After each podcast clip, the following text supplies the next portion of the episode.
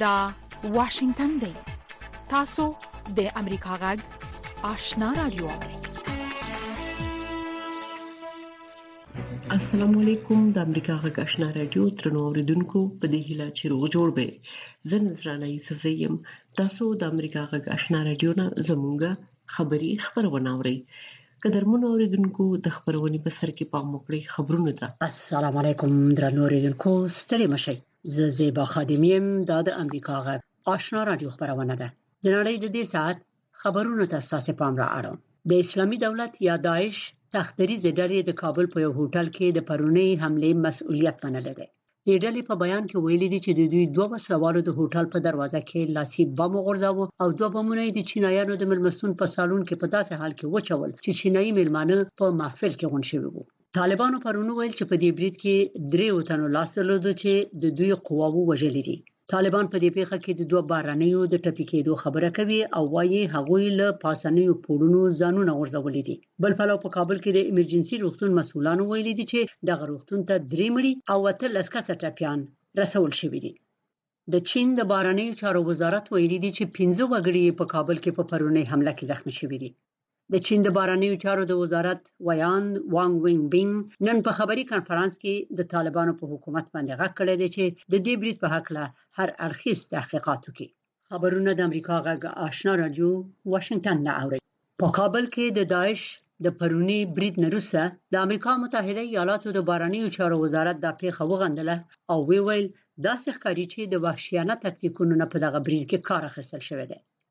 د امریکا د باندنیو چارو د وزارت ویاند نت پرایس پرون مطبوعاتو ته وویل افغانان د ډیر وخت راهیسې د تاوتریخوالي او تشدد سره مخ دي او اوس د طالبانو مسولیت دی چې مخه یې ونیسي پرایس زیاته کړه موږ له طالبانو نه غواړو چې د نړیوالې ټولنې او په ځینو برخو کې د امریکا د متحده ایالاتو سره په خپل ژمنو عمل وکړي تر ټولو مهمه ژمنه هغه ژمنه ده چې له خپل خلکو سره یې کړې ده پرایس ویلي دي موږ هر څه په ډیر دقت څارو او د افغانانو ترڅنګ درېږو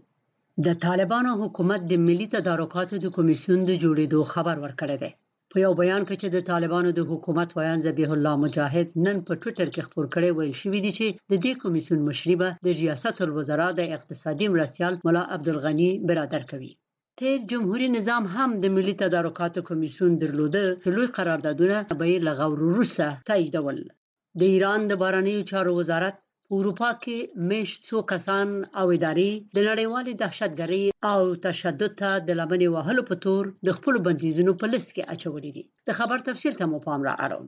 د ایران د بهرنیو چارو وزارت پرون اعلان وکړ چې د ازادې اروپا فردا راډیو هم په دې بندیزونو کې ده دغو کسانو ته د ایران ویزې نه ورکول کیږي او د ایران د حکومت تر واک لاندې سیمو کې یې ملکیتونه او شتمنۍ هم ضبطیږي. د ازادې اروپا راډیو عمومي رئیس جیمي فلای ویلي چې د ایران دا کار د حقایقو بې ځایه تحریف دی چې د استبدادي نظام له لارې منځ ته راځي. هغه زیاته کړه، واقعیت دا دی چې د ایران رژیم هغه نارینه، ښځې او کوچنیان وژني چې د ښه راتلونکي لپاره مظاهرې کوي او کورنۍ یې ځوروي. احمدالله ارچیوال. اشنا راډیو، واشنګټن. د هند د دفاع وزیر نن د سې شنبې په ورځ ویلي دي چې د هند پوځیانو د ډسمبر په نهمه د سرحدي نښتې په دوران کې چې د دوه زره او شلم کال راهیسې لومړنۍ شخړه وه او د دواړو خواوو عسکر پکې زخمي شول، چینايي عسکر پرېنښودل چې د هند خاورې ته داخل شي. د هند خارجه وزیر د جمعې په ورځ د دې تازه نښتې نه مخکې تېره هفته پارلمان ته ویلي و چې د چین سره اړیکې په سرحد کې د سولې نه پرته بیرته نشي عادي کېدلی د افغانستان سیمه او نړۍ خبرونه د امریکا غږ آشنا رادیو د واشنگټن د استودیو نه اوري په داسې حال کې چې روسیې د اوکراین په بیلابیلو استقامتونو کې پوځي عملیات پراخ کړي دي اوکرایني قواوو د ملک په ختیځ کې د روسیې د پوځیانو سره جګړه کړې ده او لاس ګریوان شوی دی د اوکراین د وسله والو قواوو لوی درستیز نن په بیان کې وویل چې روسانو په ختیځ کې د لیمان، بخموت، ودیوکا او د ژپروژیا په ښارونو کې او همداشان په مرکزي سیمو کې هم په پوځي او هم په ملکي تاسیساتو بمبارۍ کړې دي. ملګرو ملتونو ویلي دي چې د فبرورۍ د میاشتې راهیسې په اوکراین د روسیې د بې دلیله یرغل له پیله تر اوسه پورې لږ تر لږه شپږ زره اووه سوه او پنځه پنځوس ملکي وګړي وژل شوي او همداشان لس زره او شپږ سوه ملکیان زخمي شوي دي د رویټرز خبري اژانس خبر ورکړی دی چې نړیوالو اقتصادي قدرتونو په داسې حال کې د کیف د پوځ د تقویه کولو ژمنه وکړه چې روسیې په اوکراین کې خاص ځایونه په ډرون الوتکو، راکټونو او توپونو وشتلې دي او داسې نه ښکاري چې دغه جګړه دي چې د دویم جهاني جنگ رئیسې د اروپا غټه شخړه ده ختمېدونکې وي.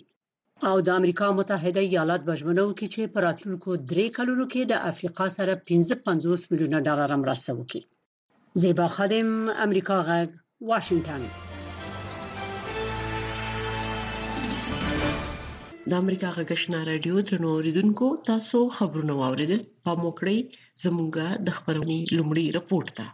د داعش خراسان څنګه د کابل په یو هوټل کې په چینایي وګړو د پرونی برید مسولیت منلې دي چینایي چارواکو یو ځل بیا خپل اتباع او سازمانونو ته د افغانستان نه د فوري وتلو سپارښتنه کړې امریکا د غبرید غندلې ده نور تفصیل په دې رپوټ کې. د کابل ښار پر کابل لوګان هوټل کې له پروني برید چې داعش یې مسوولیت منلی، وروسته چین خپلو اتباعو او چینايي بنسټونو ته له افغانستان څخه د ژر تر ژره وتلو سپارښتنه کړې او امریکا یاد برید غندلی. د چین د باندنیو چارو وزارت یاد برید هیښوونکی بللی او په دې اړه یې د څېړنو غوښتنه کړې. په افغانستان کې د چین سفارت د افغانستان منځمهالي حکومت ته قوي سپارښتنه کړې چې د ټپیانو په درملنه د هر اړخیزې څېړنې، عدالت ته د بریدګرو د راکش کولو او په افغانستان کې د چینایي اتباعو د خوندي کولو لپاره ټولې لارې چارې وکاروي. په افغانستان کې د چین د سفارت اړونده یوه ډله د برید سیمې ته تللې وه او د درملنې او د خلکو د خوندي کولو په برخه کې یې مرسته وکړه.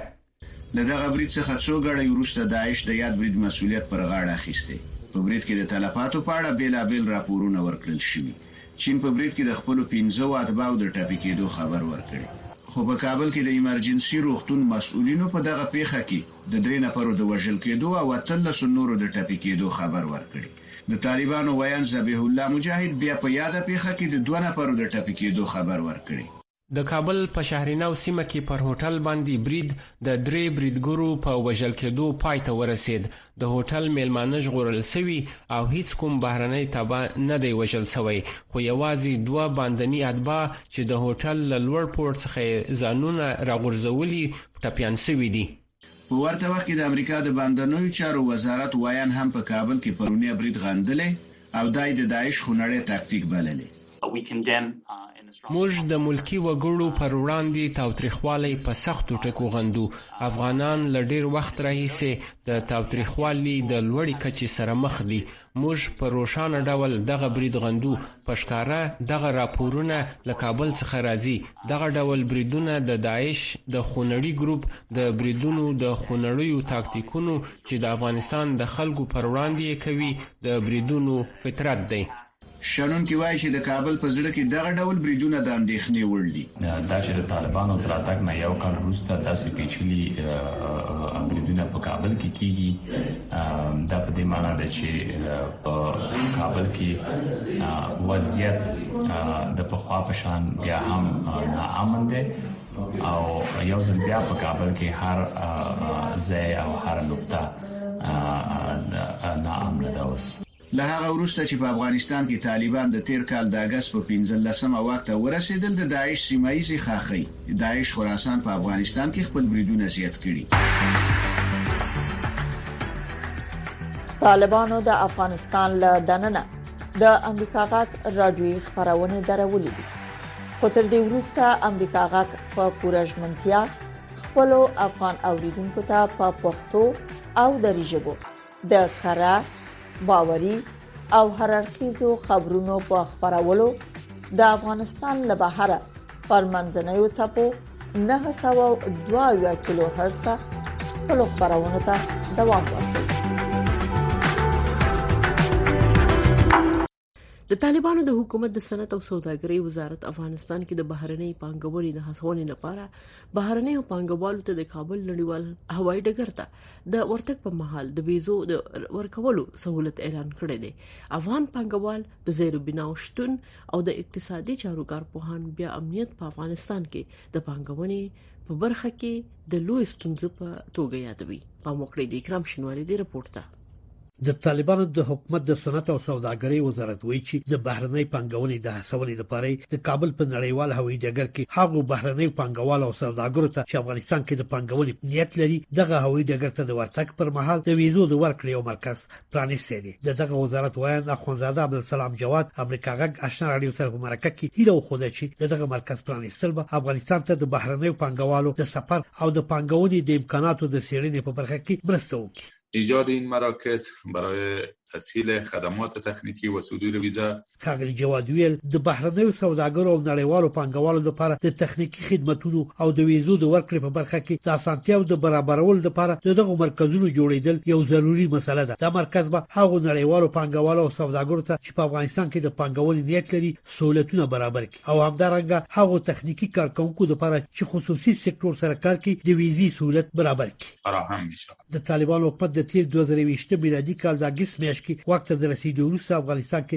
د بهرنۍ پانګونې جلبولو لپاره ډېرې هڅې کړي خو تر اوسه په دې هیواد کې کومه غټه پانګونه نه ده شوې د سوداګرۍ او پانګونې د خونې سرپرست حاجي انس مومن وایي چې په افغانستان کې د پانګونې فرصتونه او امکانات ډېر زیات دي او په دې برخه کې د نه په هیواد او بهر کې لیوالتیا هم ډېره زیاته ده خو ښاغلی مومند وایي د پانګونې په برخه کې لویه ننګونه د زیربناو د نه شتون او په ځانګړي ډول د برېښنا نه شتون دی. په افغانستان کې د پانګونې بهیر پر ډېر چټکۍ سره روان دی. خلک ارزو لري چې نوې سرمایه ګذاري وکړي. تاسو ولیدل چې د افغانستان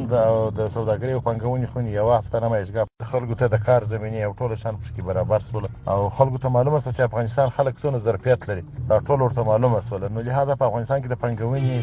ظرفیت شته ولې موږ زموږ مشکل دا دی چې موږ د زیربنا د زیربنا د پروژې سره مخامخ هغه لکه برق د افغانستان ټول خلکو ته د افغانستان خصوصي ته تلزم ده چې د برق په اړه کې ټول لاسونه سره یو کی او د برق غټه پروژه په افغانستان کې جوړه افغانستان کې د زیربناو نشتون سربېره افغان پانګوال د تېر دوه زره ویشت میلادي کال د اګست میاشتې د پنځلسمې بدلون وروسته د امریکا د متحده ایالاتو د حکومت لخوا د افغانستان بانک د شتمنیو د کنګل کېدو وروسته د بانکونو له لارې د پیسو لیږ رالیږ هم د بهرنۍ پانګونې په برخه کې د یوې جدي ستونزې په توګه یادوي او وایي چې اوس هم د افغانستان په بانکونو کې د افغان سوداګرو او پانګوالو په میلیونونو ډالر پراته دي چې د بندیزونو له امله بانکونه یې هغوی ته نشي بیرته ورکولی خو د اقتصادي چارو یو کارپوه او د اقتصاد استاد عیسی رضوي په دې باور دی چې په افغانستان کې د بهرنۍ پانګونې په برخه کې تر ټولو لویه ستونزه د امنیت مسله ده ښاغلي رضوي امریکا غږ سره په مرکه کې ویل چې د سهولتونو رامنځته کول په اصل کې یو ښه کار دی خو د افغانستان په څیر یو هیواد ته تر ډیره شتمن هیوادونه د پانګونې د فرصتونو په ځای د امنیتي پلوه ګوري او هم دا هیواد د اوږدو کلونو لپاره په جنګ کې ښکیل پاتې شوی د دې لامل د ښاغلي رضوي په نظر باید د دې تمه ونشي چې یو بهرنی دی راشي او په دې هیواد کې دي سره پانګونه وکړي د اقتصادي چارو دا کارپو کابل کې په یو شمېر چیني سوداګرو باندې د دوشنبې د ورځې برید یادونه وکړه او ویل چې امنیتي اندېښنې د پانګونې مخه نیسي افغانستان فعلا مسئله افغانستان مسئله امنیت است ښاغلي رضایي ویل د افغانستان مسئله اوس مهال د امنیت مسئله ده بې ثباتي او امنیت یوه ډېره لویه ستونزه ده په اکثره هېوادو کې او په ځانګړي ډول افغانستان چې تل د دغه ګواښ سره مخ وو چې روبروبو ده دی وایي چې د امنیتي ګواښونو لرې کېدو پرته په هیڅ هیواد کې پانګونه په لویه کچه نشي ترسره کېدی او افغانستان هم د دې څخه نشي مستثنا کېدلی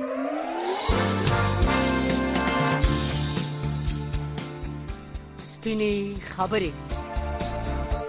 د ورځې په خبرونو او مسایلو د نظر د خاوندانو سپینې خبرې او د اوریدونکو نظرونه هر مخام د اتو بجو نه تر نه بجو پورې د امریکا غږ آشنا رادیو یو ساعته پښتو او دری خبرونه پاکستان چې په افغانستان کې د امریکا تر مشرۍ لاندې نږدې 12 لسیزې جنگ کې لوی رول ولوبو په 2022 کال کې د بایډن د ادارې د ملي امنیت په ستراتیژۍ کې شامل نو په دې رپورت کې په 2022 کال کې د امریکا او پاکستان د اړیکو په سرنګوالي او د اسیا په جنوب کې په ټیکاو باندې د امریکا او چین د سیالي اغیزو ته کتنه شوې ده تاسو ته دراورو سږکال پاکستاني مشرانو هڅه وکړه چې له امریکا سره اړیکې له سره تنظیم کړي پخوا د پاکستان او متحده ایالاتو ترمنځ اړیکې تر ډېره بریده په افغانستان کې له وضعیت سره تړلې وي له جیوستراتیژیکو او جیوپولیټیکو ملاحظاتو سره اوس یې وخت دی چې له دې وراخوا ولاړ شو. په افغانستان کې د جنګ پر مهال د شل کلن ایتلاف په پای کې د ولسمشر بایډن ادارې پاکستان د ملي امنیت په خپلې ستراتیژۍ کې چې په اکټوبر کې خپره شوه شامل نه کړ. په داسې حال کې چې پاکستان د چین ستراتیژیک متحد وي نشي کولای چې د امریکا ستراتیژیک متحد هم پاتې شي پاکستان له هر هغه هیواد سره چې ګټه وي دوه اړخیزو همکاریو ته ډیر مایل دی اقتصادي ستونزې، سیاسي بې ثباتي او د امریکا ضد پراخ احساسات له امریکا سره د دغه هیواد همکاري ستونزمنه کوي. پخواني لومړي وزیر عمران خان د اپریل په میاشت کې د صدارت له مقام څخه د ده په لرې کېدو کې امریکا په لاس لرلو تورنه کړه. هغه تور چې د واشنګټن د انکار باوجود د هغه په میلیونونو پلویان اوس هم مني. د امریکا ضد احساساتو اوج ته رسیدل او د پاکستانیانو په نظریو باندې نفوس درلودل امریکا ته دا ډیره ګرانوي چې له پاکستان سره په ډیر ښکاره ډول کار وکړي د روسیې له خوا په اوکراین باندې د برید د پیل کېدو په ورځ په مسکو کې له ولسمشر پوتین سره د عمران خان د عکسونو خپرېدو اسلام آباد خجالته کړ، خو آغلې سالک الدین وايي، روسیه د امریکا او پاکستان د اړیکو مهم عامل نه دی. له چین سره د پاکستان ژورې پوځي، اقتصادي او د انرژۍ په برخو کې اړیکې هغه عمده لامل دی چې د امریکا او پاکستان اړیکې ورباندې راڅرخي. ډېرو شنونکو په اسلام آباد کې له نوي حکومت سره د امریکا رابطه او د 450 میلیونو ډالرو په ارزښت د پاکستان د اف 14 جټ الوتکو د حفظ او مراقبت لپاره شوې معاملې ته د یوې مثبتې نښې په توګه وکتل خو دغه پلان نوې ډیلۍ غوسه کړ ځکه دا ډول معاملې خپل امنیت ته ګواښ ګڼي خو ښاغلی باسط وایي د امریکا او هند ترمنځ د چین د نفوذ د مخنیوي لپاره پراخېدونکې اړیکې د پاکستان په ملي امنیت هم اغېز کوي. د کوواټ په چوکاټ کې په داسې طریقې سره چې متحد ایالت د شل میلیارد ډالرو په ارزښت هند ته دفاعي تجهیزات برابروي، د ملګرو ملتونو د امنیت په شورا کې د هند د دایمي غړیتوب ملاتړ کوي او هم یې د اټومي تدارکاتو په ګروپ کې، نو دا ټول هغه شیان دي چې زموږ امنیت په مستقیم ډول ګواښي. د اکتوبر په میاشت کې ولسمشر جو بایډن پاکستان د هغو خطرناکو هېوادونو څخه وباله چې له کوم انسجام پرته اټومي وسلې سمبالوي. د هغه دغه څرګندونې اسلام اباد وغندلې. د امریکا د بهرنیو چارو وزارت وروسته ډاډ ورکړ چې پاکستان د خپلو اټومي وسلو د ساتلو توان لري. ځینې اندېښنه څرګندوي چې له چین سره د واشنګټن سیالي ښايي په اټومي وسلو سمبال هند او پاکستان ترمنځ په سټراټیژیک ثبات ناوړه اغېزه وکړي. موږ د نه حل کېدو وړ له داسې یوې متقابلې اغېز لرونکې معما سره مخامخ یو، چېرې چې پاکستان د خپلو وسلو او ستراتیژیکې موازنې د ساتلو لپاره هند ته ګوري، هند چین ته او چین بیا امریکا ته ګوري. په دې توګه هر یو بل یو لوی هېواد ته ګوري. خو دلته د بحران په تېره بیا هند او پاکستان ترمنځ او د چین او هند ترمنځ د دوهمې او درېیمې درجې اغېزې موجودې دي. او زما په نظر امریکا باید دغه ټول په پام کې وساتي. دوه زره او درویشت په پاکستان کې د ټاکنو کال دی. کله چې نوی حکومت رامنځته شي، پرېکړه به وکړي چې له امریکا سره څه ډول رابطه غواړي. واشنګټن ټینګار کوي چې په پاکستان کې د خوښې وړ سیاستوال نه لري او له هر هغه مشر سره به چې د دغه هېواد خلک یې وټاکي، کار وکړي. مومن خان واحدی د امریکا غږ واشنگتن طالبانو د افغانستان له دننه د امریکا غږ رادیوي خبرونه درولې دي خو تر دې وروسته امریکا غږ په پوره ژمنتیا خپل افغان اوریدونکو ته په پښتو او دری ژبه د کره باوري او هررخیزو خبرونو په خبرولو د افغانستان له بهره پر منځنوي چاپو 902 کیلو هرتز خپل خبرونه ته دوام ورکړئ ټاکل شوې چې د امریکا ولسمشر جو بایدن به سبا د امریکا د متحده ایالاتونو او د افریقا د سرمشرزي قربوي بایدن هڅه کوي چې د دې سرمشرزي په ترڅ کې د امریکا او افریقای هوادونو ترمنځ د اعتماد فضا رامنځته کړي غونډه به تر پنځشنبه ورځې پورې دوام ومومي پام وکړئ د رپورت ته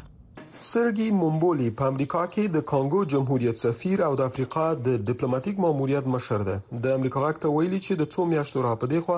د امریکا او افریقا د سرمشريزې پر جوړولو لسپینه ماڼۍ او بهرنیو چارو وزارت سره کار کوي زموږ تمه دا ده چې په دوه اړخیزه کچه د امریکا د متحده ایالتونو او افریقا د هیوادونو ترمنځ او دغه راز د افریقا د لویې وچې او امریکا د متحده ایالتونو همکارۍ باید زیاتې شي موږ غواړو چې دا سرمشریزه د امریکا له خوا د افریقایي ټولنې د 2023 کال د پلان یا اجنډا د بریالیتوب یو فرصت وي افریقایي ټولنه وایي چې د دوه زره او درې شپېتم کال په اجنډا کې ټولنیزه او اقتصادي پرمختیا، د سیمې او براعظم په کچه اتصالات، دیموکراتیکه حکومتولي او سوله او امنیت شامل دي، څو دغه وچه په نړۍ کې د یوې مهمې لوبغاړې په توګه راڅرګنده شي. موږ افریقا کې انرژۍ، مالي همکارۍ او روغتیايي خدمتونو ته اړتیا لرو، که د دغسې سرمشریزې په ترڅ کې په دغو برخو کې د امریکا او افریقا ترمنځ د همکاریو زمینه برابره شي، نو ډېره ګټه به وکړي. د امریکا پخوانی ولسمشر براک اوباما په 2014 کال کې د امریکا او افریقا لمړنۍ سرمشري زرا وبلله د نړیوال پرمختیا د چیرنیز مرکز غړی ګوید مور وایي چې سږکال دغه سرمشریزه په یو حساس وخت کې جوړیږي د افریقا له خوا به د امریکا نه دا تمه وی چې د ځینو مسایلو په اړه چې دغه وچه ورسره مخامخ ده خپل دریځ په ډاګه کړي لکه تورم تیل په اوکراین کې جګړه او د خلکو پر ژوند یې اغیزې خو تر ټولو مهمه ده چې دا سرمشريزه د اقلیم د کانفرنس لغونډې وروسته جوړیږي او افریقایي مشران ګوري چې د اقلیم د کړکېچ په وړاندې به د امریکا د ریځ یو ځواب څه وي د حکومتولۍ په برخه کې پر ورستیو کې په افریقا کې څو کودتاوي شوې دي د بیلګې په توګه په مالی، ګینیا او بورکینافاسو کې ځینې هیوادونه سرمشريزه ته نه دی رابلل شوی دا یوه سخته شیبه ده او فکر کوم چې ډیر افریقایي هیوادونه به د دې لپاره راضي چې د امنیت په برخه کې د امریکا مرستې جلب کړي ځکه دوی بندیزونه لګولای شي د امریکا او افریقا سرمشتیزه د سه شنبه په ورځ پیلېږي او د پنځ شنبه په ورځ پای ته رسیږي احمد شکیب د امریکا غږ واشنگتن د واشنگټن څخه د امریکا جغ آشنا را جوړ اوری د روسیې له خوا د فروری په میاشت کې په یوکرين يرغل اورپا د پراخ ځمکني جګړې نړۍ د شخړې د وینوي خطرناک پړاو او اتومي وسلو د استعمال د ګواښ سره مخامخ کړي ده لویدیځ په خبرون کې یوکرين ته په پراخه کچه وسلې ورکړي او په روسیې سخت بندیزونه لګولي دي نور تفصيل د هنري رجول په دې رپورت کې چې پښتو ژباړې تاسو اورئ پر یو خپلواک هیواد يرغل پر اوکرين د روسیې تیری د نړۍ امنیتي نظم زیانمن کړی دی د جګړې ناټو او روسیا مخامخ جګړې ته نږدې کړي دي د فبرवरी په 23مه نیټه چې د روسیې ولسمشر ولادیمیر پوتین د ځانګړو پوځي عملیاتو اعلان کاوه هغه د دوهمې نړیوالې جګړې پر ایدئولوژي تکیه وکړه موږ به د اوکراین د بې وسلې کولو او نازیزم څخه د پاکولو هڅې وکړو. روسیې ګواښ کړی دی چې که لویدیځ هېوادونه دغه جګړې ته ور ودانګي، نو د اټمي وسلو څخه به کار واخلي. ناټو په ختیځ اورپا کې خپل دفاعي ځواکونه زیات کړي دي. د امریکا په مشرۍ لویدیځو هېوادونو چې په پیل کې محتاطانه چلند کاوه، اوس یې د اوکراین سره د توپونو، توغندي ویشتونکو او هوایي دفاع د سیستمونو په ګډون د نورو ډېرو وسلو مرسته پیل کړې ده. خو د اوکراین له لوري د ټانکونو او جنگي جټ الوتکو غوښتنې تر اوسه بې ځایه پاتې دي موږ چې د اوکراین د اکمالولو فکر کوو نو اکمالات مو باید د دې فکر پر بنسټ نه وي چې یوازې د اوکراین د ماتې مخه ونیسو بلکې د روسیې د ماتولو په فکر باید اوکراین په بشپړ ډول اکمال کړو د لویدیځ پوځي تجهیزاتو مرستې د اوکرایني ځواکونو سره د خارکوف او خیرسون په بیرته نیولو کې مرسته وکړه د وحشي جمی پر رسیدلو د لویو يرغلیزو بریدونو ځای د لری واټن څخه د سنگرونو بریدونو نیولای دی روسیا اوس د اوکرين د انرژي پر تاسیساتو باندې بریدونه کوي ښکاره خبره ده چې د پوتین لخوا پر ملکی تاسیساتو بریدونه او پر اروپا د ګازو بندول د اوکراین او د اوکراین د ملاتړو هیوادونو د بې موراله کولو له لارې د بریا تر لاسه کولو په موخه دي، خو زه فکر نه کوم چې دی دې په دې ډول بریالی شي. د شنونکو په نظر را روانې میاشتې د لویدیځ د ژمنتیا د ازمویلو وخت دی. موږ دا هم کولای شو چې یو په اټومي وسلو سمبال تیری کوونکي ته اجازه ورکړو چې خپل موخې ته ورسیږي او راتلونکي لسیزې په ناامنۍ کې ژوند وکړي او دا هم کولای شو چې په اوکرين کې د پوتين د بریا مخه ونیسو او هڅه وکړو چې پر یو ډیر ښه بنسټ غوړه څرامنځ تکړو په داس حال کې چې روسیې ته وختونکو زیانونه ډیریږي پر پوتين باندې فشارونه هم زیاتیږي اوس حتی ډیر محافظه کارانه تحلیلونه هم په اوکراین کې د 50 زرو تنو سرتیرو وژل کېدو ته ګوري په اتو میاشتو کې دا شمیره د پخوانی شوروي اتحاد د هغو سرتیرو تر شمیرې چې د افغانستان په لسکلنه جګړه کې وژل شوی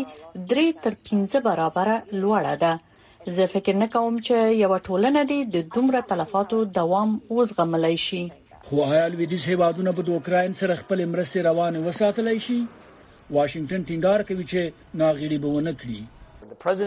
ولسمشر وویل چې موږ به د اوکراین سره تر هغو چې اړتیاوي مرسته روانه وساتو او هغه هم په دې نظر دی. د جګړې له سیمې ډېر لرې ځینې هېوادونه دغه راز چین او تایوان دا جګړه په ځیر سره څاري. د جګړې پایلې به د روسیې او چین د اړیکو د لوري ټاکلو ترڅنګ په ډېر امکان نوی نړیوال نظم رامنځته کړي. غورځنګ د امریکا غږ واشنگټن طالبانو د افغانستان له دننه د امریکا غږ رادیوي خبرونه درولې دي خو تاسو کولی شئ زموږ پښتو خبرونه پر لاندو چپو هم واورئ پښتو سهارنۍ خبری خبرونه پر 2290 چپو اوریدل شي ما خامنۍ پښتو خبرونه پر 2140 2015 9815 14590 میگا هرتز لنډو چپو اوریدل شي د سپینې خبرې یا رکوراس خبرونه پر لنډو چپو 2015 میگا هرتز د نن او وضعیت یا روایت امروز خبرونه پر لنډو چپو 2040 9915 او ساسغت یا صداي شما خبرونه پر لاندې ټکو 2513 او 9315 میگا هرتز اوریدل شي په زابل کې روغتياي مسولین وایي چې د پولیو ناورین په ضد د ټولنې مرسته تر بل هر وخت او زیات شوې ده نور حال زمونږ د همکار صدیق الله صدیقي په دې رپورت کې اوري زابل کې تر دوه سوه زره زیات ماشومان د ګوزړ ضد واکسین لپاره هدف ټاکل شوی، خو په تېرو څو کلونو کې یې لویه برخه له واکسین څخه محرومه پاتې شوې. د یاد ولایت روغتي مسؤلین وايي چې په یو شمېر سیمو کې د واکسین په اړه د ټولنې ناسم باورونه یې عمده علت و. د زابل د عامې روغتیا مسؤل ډاکټر عبدالحکیم حکیمي وايي، اوس تر بل هر وخت په زیاته کچه ټولنه چمتو ده چې د پولیو ضد واکسین په منظم ډول خپلو ماشومانو ته عملي کړي. ډېر ټولنه اوس ډیره تشویق سوې ده غلط باورونه چې د پولیو په اړه باندې موجود ول هغه ګنګوسې او ازې اوس ټولې الحمدلله د رد او نه منلو په حالت کې دي ټولنه اوس چمتو ده چې په بشپړ ډول باندې د پولیو یا ګوزڼ واکسین خپل ماشومانو ته تطبیق کړي ښاغلی حکیمي زیاتوي په چاپیریال کې د پولیو وایروس د وروستي ترلاسه شوي طبي معاینات هم ښیي چې یاده ناروغي د له منځه وړلو په وروستي پړاو کې ده په ورته وخت کې د پولیو پر ضد مرسته کوونکي نړیوال بنسټونه وایي د پولیو له منځه وړلو کې د ټولنې مرسته تر ټولو زیاته اغیزه لري د یونیسف د پولیو د پروګرام یو مسول سید کمال شاه په اړه داسې وایي پویلم زوړلو پروګرام خپل هڅې کوي ترڅو دا کوم لاسته راوړنې چې دي دا وساتي او په دې حوزه کې د ماشومانو د معافیت کچه لوړه وساتي ترڅو الته پراتونکو کې هم د دې ناروغي پیخي رامنځته نشي د زابل اوسېدونکي بیا سره له دې چې د خپلو ماشومانو د پولیو د واکسین د عملي کولو ډاډ ورکوي، غوښتنه لري په دې ولایت کې دې روغتیايي اسانتیاوې پراختیا ته پاملرنه زیاته شي. دوی زیاتوي چې د عامې روغتیا په برخه کې اسانتیاوې کورنۍ هڅوي د پولیو ترڅنګ د ماشومانو د هرې ناروغۍ په برخه کې پاملرنه زیاته کړي. د زابل ولایت اوسېدونکی بشیر احمد یې په اړه داسې راته وویل. پولیو واکسین شخصاً ما خپل په خپل کور کې خپلو کوچنیانو ته په هره دوره کې خپل ټول کوچنیان واکسینوم، واکسین خو دښت ډېر ښه شی دی. او کوچنیان د پل څخه ژغوري دوه څاڅکي واکسین ته چې د واکسینانو توران کور ته نه څیره زیاد د دوی نږدې ساحې سي هغو تېر وړم نو واکسینوم یې بې واکسینه یې نه پرېږدم او زما ټول خلک دا پیغام ده چې خپل کوچنیان بې واکسینه پرې نه ږدي غوښتنه مې نو دا ده چې دا زموږ په لاندې لرو په افراتو ساحو کې چې دي د واکسین ټیمونه کم دي نو باید دا ټیمونه زیات کړي خلک لاسرسی نه ورته لري نو باید یو کوچنی هم بې واکسینه پاتې نه شي ټول واکسین شي په جنوبي ولایتونو کې ټول ټال یو اعشاریه پنځه میلیونه ماشومان د ګذر لپاره هدف ټاکل شوی چې په تیرو څو کالو کې ماشومان په پرله پسې ډول له واکسین څخه محروم پاته شوي. د پولیو د پروګرام همکار بنسټونه وایي چې که ټولنه د پولیو پر ضد روان کمپاینونو کې رغنده ګډون ولري نو ژر به یاده ناروغي هم ورسره له منځه ولاړه شي. د امریکا جغ آشنا رادیو د خبرو اترو پروګرام په اونۍ کې درې ځلې خبرېږي او ردلې مه هېروئ